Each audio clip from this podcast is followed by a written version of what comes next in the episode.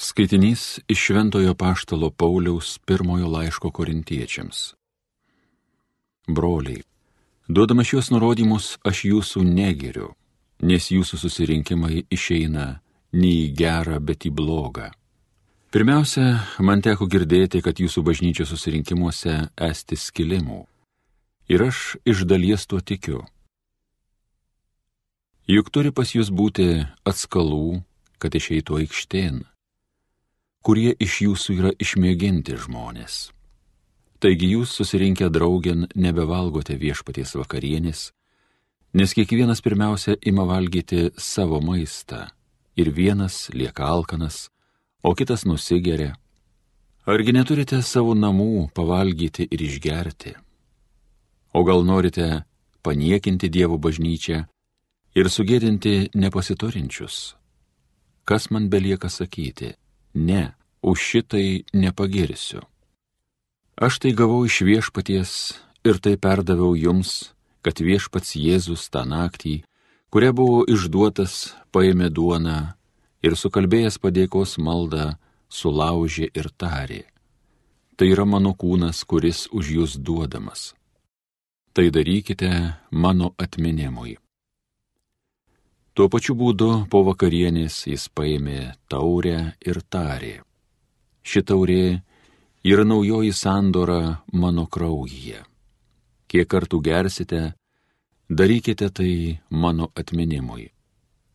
Taigi, kada tik valgote šitą duoną ir gerite iš šitos taurės, jūs skelbėte viešpaties mirtį, kol jis ateis. Tai Dievo žodis.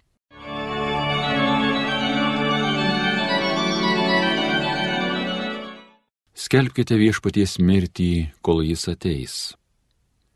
Tau nepatiko nei krovinos aukos, nei atnašos vaisių, bet atvėrė mano ausis, kad klausytų. Nenorėjai nei deginamų, nei atgailos atnašų. Tuomet aš tariau, ateinu. Skelbkite viešpaties mirtį, kol jis ateis. Knygoje apie mane parašyta. Dieve, Aš trokštų įvykdyti tavąją valią, tavo teisynas, meilus mano širdžiai. Skelbkite viešpaties mirtį, kol jis ateis. Tavo teisumą paskelbiau susirinkimui, viešpatie tu žinai, kad aš netylėjau lūpą sučiaupęs. Skelbkite viešpaties mirtį, kol jis ateis.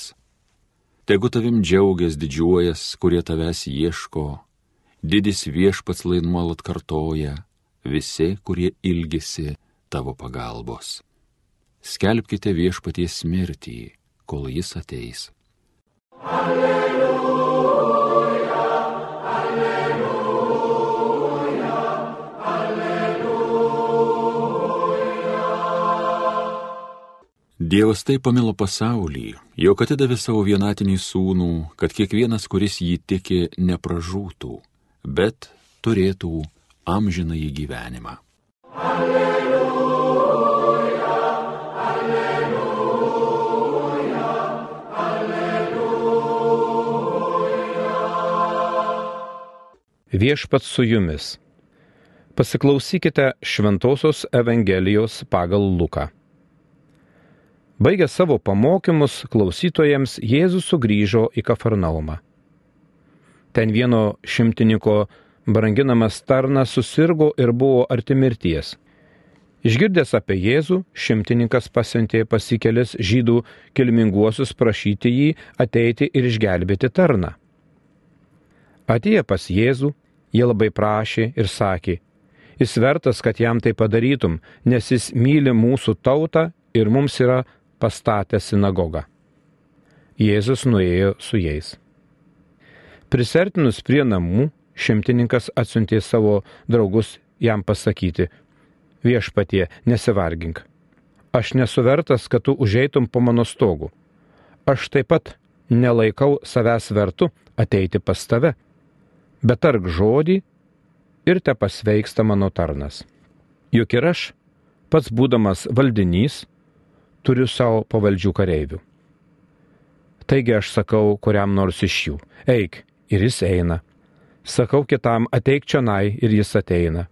sakau tarnui, padaryk tai ir jis daro.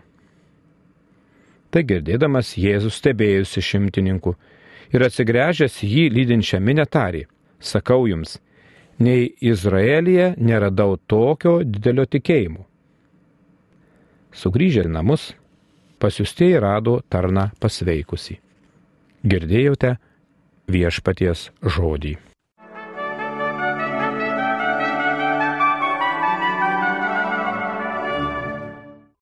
Mėly broliai sesės Kristuje, mėly Marijos radio klausytojai, ką tik išgirdome Evangelijos pagal Luką ištrauką iš septintojo skyriaus.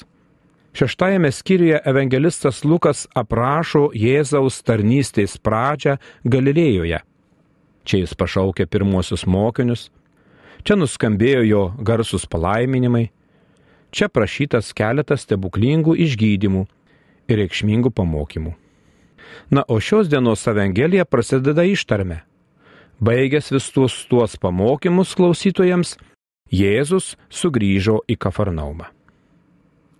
Anot evangelisto mato, šis miestas buvo tapęs Jėzaus namai. Apie tai Evangelijos pagal matą ketvirtajame skyriuje skaitome, jis paliko Nazaretą ir apsigyveno Kafarnaume. Kafarnaumas Jėzaus laikais buvo pagrindinis karavanų, prekeivių ir armijos judėjimo kelias. Kadangi tai buvo svarbus miestas, įsikūręs prie pagrindinio kelio, tai jame buvo greičiausiai nemažiau kaip šimto kareivių romėnų kariuomenės dalinys, kuriam vadovavo šimtininkas. Čia Jėzus parodė daug ženklų, liūdijančių jo dieviškumą, tačiau šio miesto gyventojai liko abejingi jo mokymui. Jėzus priekaištaudamas jiems pranašavo skausmingą miesto pabaigą, sakydamas, ir tu, Kafarnaume, negi būsi išaukštintas iki dangaus, tu nagarmėsi iki pragarų. Taip skaitome Luko Evangelijoje. Evangelistas Matas, aprašydamas panašią istoriją, kaip ką tik girdėtoje, sako, daugelis ateis iš rytų ir vakarų, susės karalystėje prie stalo su Abraomu, Izaoku ir Jokūbu, o karalystės vaikai bus išmesti laukan į tamsybės. Taip sakydamas Jėzus viena vertus turi omenyje pagonys, kurie įtikės ir priims Jėzaus mokslą. Tai jie bus verti sėdėti karalystėje prie vieno stalo su patriarchais. Na, o kita vertus tie, kuriems buvo pažadėta dangaus karalystė, tad pažino jos ženklų ir ne, nesiekė to, kad atpažintų. Atmetė jiems skirtas malonės dovanas ir todėl liks už durų. Šios dienos Evangelija prašo pagonio šimtininko nuolankų pasitikėjimą Jėzumi. Kaip minėjau, šimtininkas yra romėnų karininkas, kuris vadovauja šimtui kareivių. Nepaisant vyriškos, drausmės reikalaujančios pareigybės, parodomas šimtininko jautrumas ir dėmesys savo pavaldiniams, kadangi jo branginamas tarnas susirgo ir buvo arti mirties. Tai jis nutarė kreiptis į Jėzų. Jis be abejo girdėjo apie Jėzų, apie jo stebuklingus išgydymus, todėl nepaisant nieko ieškojo pagalbos pas žydų mokytoją. Anais laikais buvo neįprasta, kad pagonis juolap aukšto rango karininkas prašytų pagalbos pažydą. Šimtininkas taip pat gerai žinojo, jog žydai turi keistų papročių ir nenori bendrauti su pagoniais. Todėl jis kreipėsi į kelis pažįstamus kilminguosius žydus, kad jie nueitų pas Jėzų ir paprašytų jį ateiti bei išgelbėti tarną. Šimtininkas iš tiesų buvo doras žmogus, Apie tai liūdija atėję pas Jėzų žydai. Jie sakė Jėzui. Jis vertas, kad jam tai padarytum, nes myli mūsų tautą ir mums yra pastatęs sinagogą. Jėzus nuėjo su jais.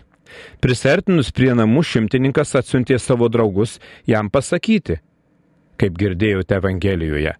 Viešpatie nesivargink, aš nesu vertas, kad užeitum po mano stogu, aš taip pat nelaikau savęs vertu ateiti pas tave. Bet tark žodį, ir te pasveiksta mano tarnas. Štai koks nuolankus šimtininko tikėjimas. Jis žino, kad yra nevertas viešpatės malonės, tačiau per draugus maldauja Jėzaus gailestingumu, nes tiki ir pasitikė išganytojo dieviškąją galybę ir jo visagalių gerumu. Jis tikėjo, kad Jėzus turi galę vien tik tai žodžiu nugalėti lygą. Ir tai labai nustebino Jėzų. Jis su nuostaba sušunka, sakau jums, nei Izraelėje neradau tokio didelio tikėjimo. Mili Marijos radio klausytojai. Paprastai Jėzus matydamas nuolankų tikėjimą sakydavo, eik ramus, tavo tikėjimas išgelbėjo tave.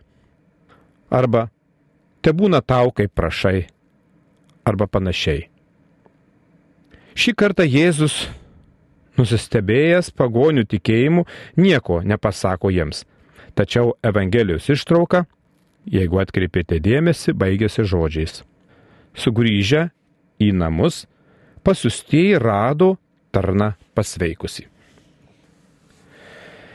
Kartą vienas mano bičiulis prisipažino. Žinai, Vytautai, kai skaitau šią Evangelijos vietą ir kitur apie romėnų šimtininkus, tvirtinu ne tik tai fizinę jėgą, bet ir charakteriu, kurie pasižymėjo gerais darbais, tikėjimo išpažinimais bei maldingumu, tai norisi sekti jų net ir pavyzdžių. Pasirodo, kad ir pats tvirčiausias ir stipriausias vyras gali turėti gražią, nuolankę, tikinčią ir maldingą širdį.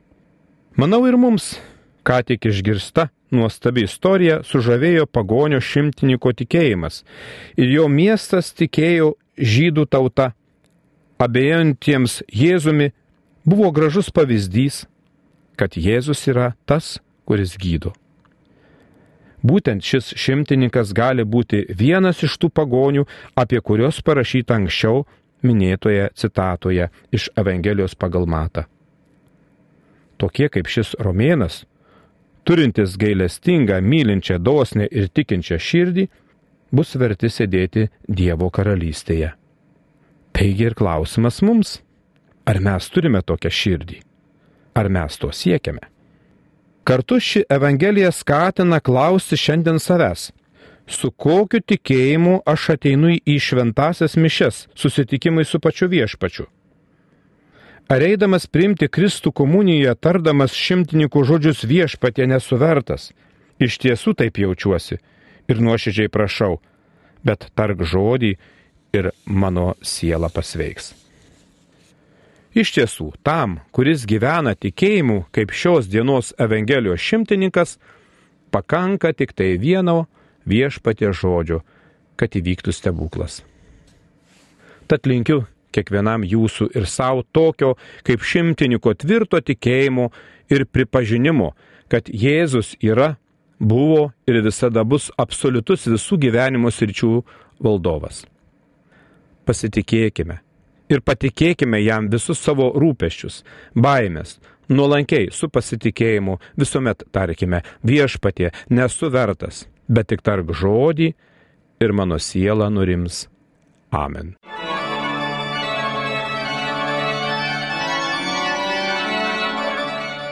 Homilija sakė monsinjoras Vytautas Grigaravičius.